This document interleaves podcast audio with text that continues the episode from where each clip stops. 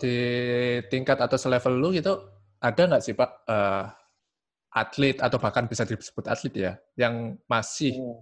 masih punya uh, budaya lah bisa dibilang kayak gitu? Ada, pasti ada. Oh, pasti ada. Berarti nggak cuma ya. di level bawah aja ya? Bahkan ya, sampai ke level nah, profesional toksik itu masih ada. Ya, toksiknya mereka itu ya ya berbagai macam sih. Ada yang toksik buat bercandaan, ada yang toksik memang dari tingkah lakunya. Hmm. Ya, kalau orang-orang yang bisa dibilang toksik dalam tingkah laku apa pasti mereka nggak bakal bertahan lama di e-sport iya benar benar. Di e-sport sendiri itu juga pasti mereka um, pasti kan masing-masing punya ini punya aturan.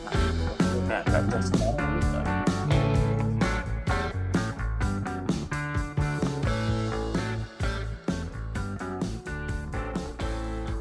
jadi memang dari kecil tuh aku udah senang banget ya. Jadi dari SD kelas 1 tuh aku udah main main ya game-game jam-jaman gitu terus habis itu udah sampai sekarang ya masih main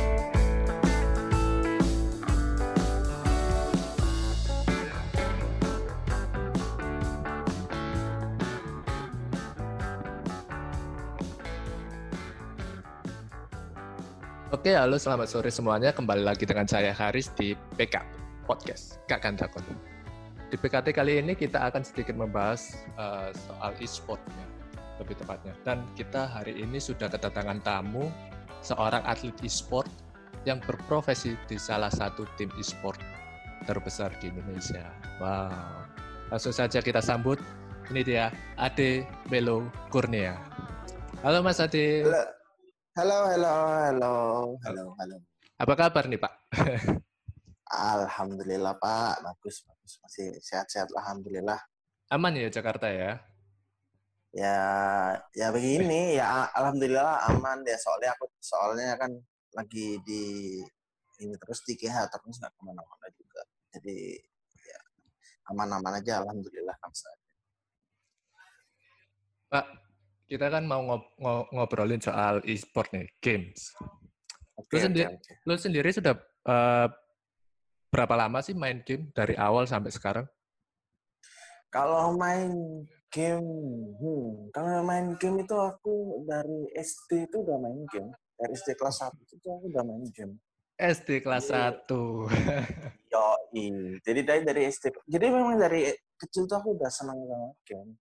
Jadi dari SD kelas 1 itu aku aku udah main main ya game-game zaman-zaman dulu lah. Terus habis itu udah sampai sekarang ya masih main game karena dari dulu hobinya ya game terus rumah deket rental kayaknya pak Wah, ya enggak lah.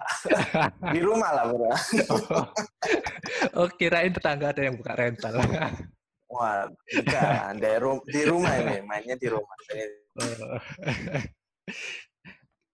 Waktu lu pertama kali main game itu game apa sih? apa emang dari awal lu udah main MOBA atau PVP atau game-game genre apa sih yang pertama lu mainin? Nah, kalau SD itu ya kan game-gamenya kan ya belum ada kayak MOBA itu aku belum ya, kenal MOBA uh, sih ya paling ya game-gamenya kayak Prince of Persia yang kayak game-game gitu game-game jadul-jadul. Blood Runner Harvest Moon. Harvest ya yes, game-game yang jadul-jadul. Aku kalau mulai kenal MOBA itu SMP SMP tahu baru kenal. Itu ma main game apa itu? MOBA pertama. Main MOBA pertama itu Dota. Oh oh langsung Dota? Dota satu ya? Iya Dota satu zaman itu Dota satu SMP eh ya SMP aku mulai kenal Dota itu kalau aku dulu sih pertama main game itu ya pak main hmm. Harvest Moon Hmm, nyangkul-nyangkul, Pak. berkebun. Ber, belajar berkebun yang baik ya, Pak. Ya? Yoi. Yoi.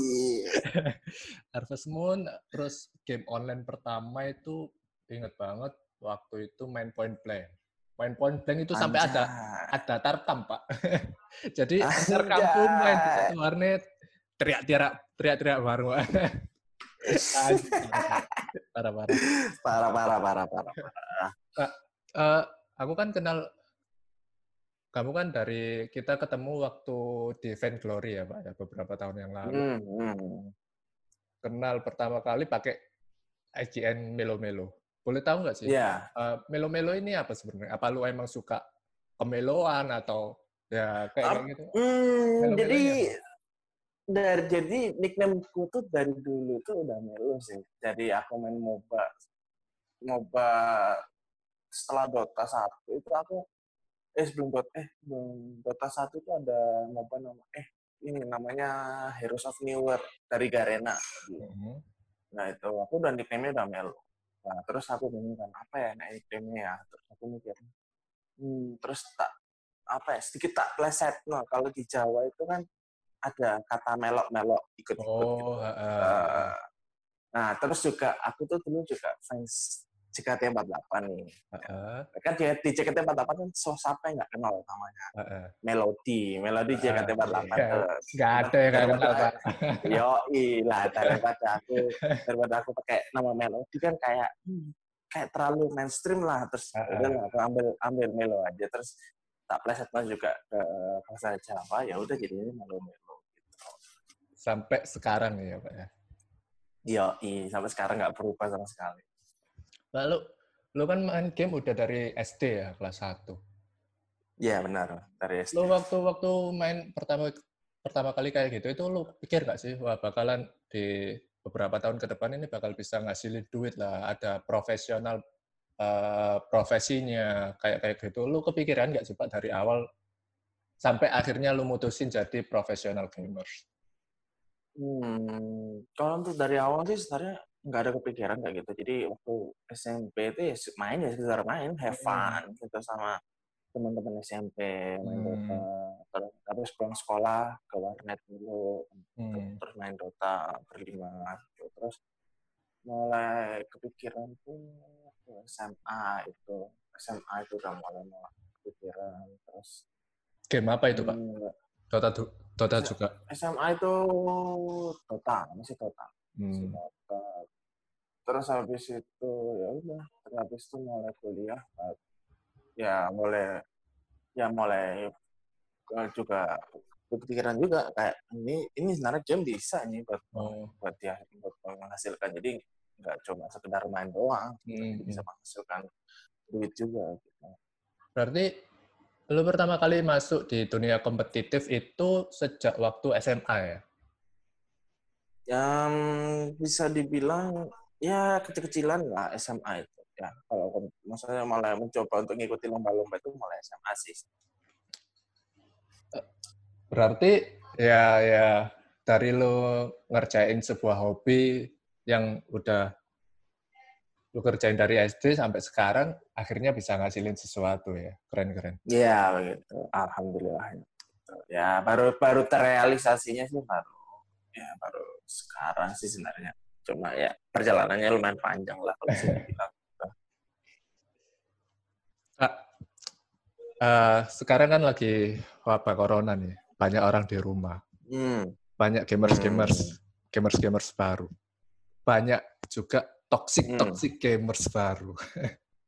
Hmm. Hmm. Gimana sih tanggapan lu soal toxic games?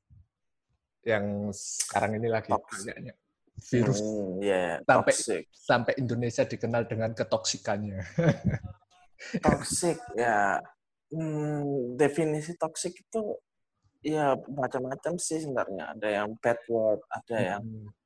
keyboard warrior Ya, ada yang macam-macam warrior. cuma ya cuma ah, kalau menurut tanggapan aku sih aku kurang setuju sih sebenarnya kalau sama toxic toxic gitu ya apa ya kayak toxic itu buat apa sih sebenarnya kita orang itu untuk Iya, menjadi benar. toxic gitu kayak buat apa mau mau lu pamer gitu apa lu mau apa berlagak jagoan di, Iya. dunia, di, di dunia maya buat apa Bener, bener.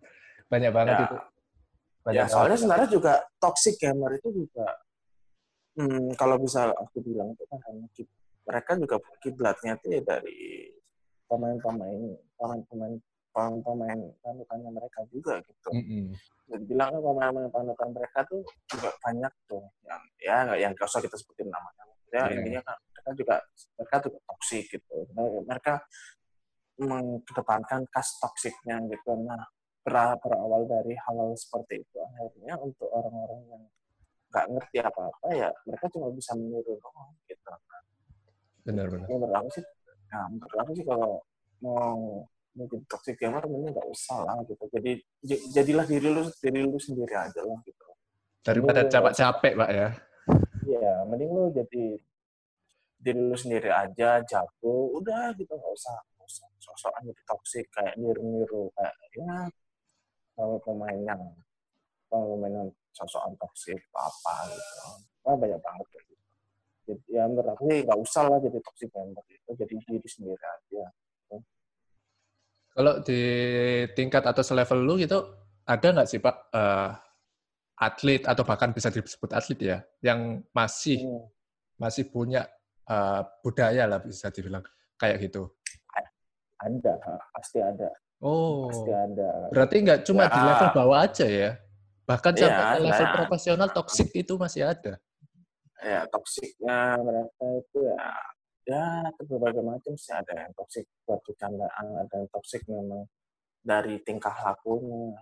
Hmm. Ya, kalau orang-orang yang bisa dibilang toksik dalam tingkah laku apa pasti mereka nggak bakal bertahan lama di e-sport iya benar benar di e-sport sendiri itu juga pasti mereka um, pasti kan masing-masing punya punya aturan gitu jadi kayak nggak bisa hmm. sembarangan juga hmm. ya ya benar sih kalau ya kebanyakan orang toksik itu emang yang nggak nggak jago di skill tapi jago di bacot Iya benar makanya. Jadi kayak mereka tuh kayak berlagak menjadi seorang jagoan di dunia maya. Uh, uh, uh, benar-benar. Oke, okay, next Pak. Uh, itu jadi atlet e-sport itu enak nggak sih Pak? Soalnya kan banyak yang beranggapan ya, wah jadi atlet e-sport ah enak, kerjaannya cuma main game dan lain-lain, kayak gitu. Menurut lo gimana Pak? Apa ya, menurut aku sih hmm, berat ditanggung jawab sih. Kalau hmm. kalau lo pengen jadi seorang atlet e-sport itu lu pasti dituntut tanggung jawab dari ini apa dari ya siapa pun yang mengakuisisi lu atau apa untuk ya memberikan prestasi atau apa lah untuk memberikan prestasi atau apa kan lu kan harus banyak banyak latihan yeah. tiap hari latihan kayak ya dari pagi sampai malam dari malam sampai pagi nah, kan, ya? Menurut aku sih kalau yang mau mencoba untuk masuk ke dunia e-sport kalau belum siap mental ya jangan dulu dah bentar aja. Soalnya di kalau udah pengen masuk ke e-sport yang punya nama gitu itu susah tanggung jawabnya juga besar gitu. Jadi nggak cuma sekedar kita main-main doang main hmm. main makan tidur main makan tidur kita iya, juga iya. tanggung jawab untuk memberikan prestasi untuk wadah yang menampung kita itu hmm berarti ya nggak cuma cuma main game, berarti kita cuma juga punya tanggung jawab yang besar atas nama yang mewadahi kita. Iya benar pastinya. Nah, ngomong-ngomong soal latihan di tim lo sendiri itu berapa kali latihan pak dalam sehari? Hmm, kalau untuk sekarang sih paling cuma jam paling biasanya cuma jam 8 atau jam 9 atau jam 7 sampai jam 9 gitu. Kalau dulu waktu saya waktu dulu itu mungkin sekitar bulan Desember atau Oktober itu kita latihan dari jam 7 sampai jam 11 malam. Hmm. Itu jadwal, maksudnya jadwal untuk kayak screen atau apa. Terus di luar itu ya terserah kita. Cuma oh. ya tanggung jawab cuma ya tanggung jawab kesadaran diri masing-masing lah kalau yeah, yeah. kita ini ya latihan adalah ya latihan kayak latihan individual latihan mekanik latihan ini ya kita main kita main-main sendiri gitu cuma kalau untuk latihan timnya ya jam 7 sampai jam 11 dulu kalau untuk sekarang paling 8 jam 8 jam 7 tergantung tergantung tergantung dapat jadwal scrimnya aja sih sebenarnya. Hmm, berarti semua kegiatan yang di situ itu udah diatur ya sama manajemen bukan berarti lo yang nentuin buat ah, ayo latihan ayo latihan. Kayak gitu enggak ya? Hmm, ya udah dari manajemen yang mau nampung saya itu udah memberikan kayak jam jam hmm. jam untuk latihan gitu. Jadi ya kita harus mengikuti mereka tapi uh, sekarang jadwalnya kita dirubah soalnya menurut, menurut, kita tuh kayak nggak efektif kalau misalkan dari jam 7 sampai jam 11 itu kayak hmm, terlalu apa ya, terlalu memaksakan jadinya kayak nggak hmm. efektif jadi makanya kita untuk jam efektif jam efektif latihan scrim itu jam 7 sampai jam 9 di atas jam 9 tuh kita tuh udah nggak mau soalnya kayak udah malas-malesan gitu loh kayak oh. malas gitu apa-apa jadi daripada daripada daripada kita latihan berlima tapi nggak ada hasil apa nggak ada mending ya udah jam jam sembilan aja. Yang penting efektif tiap hari senin sampai jumat yang kayak gitu biasanya nah. uh, ini kan sekarang lagi wabah corona nih pak. Event-event hmm. banyak yang di close ditunda. Nah hmm. dari event lu sendiri yang turnamen-turnamen offline online itu banyak yang tertunda atau dibatalin? Hmm, ada sih uh, event offline yang game yang saya mainkan saat ini yang ke Cina, ke Chengdu waktu itu. Hmm. Hmm, yeah. ya terpaksa diundur karena adanya wabah corona ini dan belum belum sampai saat ini juga belum tahu sampai kapan diundurnya itu. Jadi Udah. kita menunggu menunggu corona kelar aja. Ada ada berapa turnamen offline nih Pak yang tertunda? Kalau untuk saat ini ya masih satu ya. Soalnya satu tapi ya untuk saat ini sih masih yang masih waiting list ya, satu sih sebenarnya. Untuk saat ini. Kalau turnamen online masih jalan semua ya pasti ya. Kalau online tentunya jalan karena karena kan tidak yeah. hmm, lokasinya kan. Um. Uh, dengan adanya turnamen-turnamen yang dibatalin, ditunda, kayak gitu, itu pengaruh nggak sih ke penghasilan lu di Hmm, ya uh, ngaruhnya mungkin kayak untuk penghasilan tambahan aja sih kan kita kan tentunya udah dikasih gaji tetap Hmm, tiap nah, bulannya ya. Untuk kayak, ya, uh, tapi kalau untuk turnamen itu kan ibaratnya kayak kayak penghasilan tambahan lu gitu ya. Kalau misalkan turnamen itu tertunda terus habis itu nggak ada. Ya ibaratnya kayak kita tuh kayak kekurangan pemasukan tambahan gitu hmm. gitu. Berarti berarti gaji lu uh, nggak nggak nggak per event ya hitungannya. Tapi tiap bulannya udah emang ada gaji segitu ya tiap bulan bakal lu dapetin uh, segitu. Iya, memang eh, jadi kita kayak diberikan gaji tiap bulan gitu, udah ada nominal tertentu gitu untuk player player baru player lama gitu. jadi udah, udah ada nominal Pak, lu kan sekarang udah lagi ada di puncak karir nih. Tim lu udah ada di hmm. salah satu top top 3 di Indonesia. Apa hmm. apa nih yang jadi target lu selanjutnya uh, habis ini kira-kira? Untuk targetnya kita ya pastinya juara satu dulu di Indonesia, terus yang jelas kita go internasional itu sih nah. ya semoga apa yang lu uh, capain segera tercapai lah amin amin amin oke okay. Thank you ya Mas Adi ya atas waktunya bareng kita di podcast Kakan Takon. Oke oke, sama-sama sama. Oke, terima kasih teman-teman semuanya atas perhatian kalian di podcast kita hari ini. Kita akan berjumpa lagi di hari Kamis minggu depan. Kita akan coba bahas apa pun yang bisa kita bahas. Dan jangan lupa like, share, and subscribe. Thank you. Bye.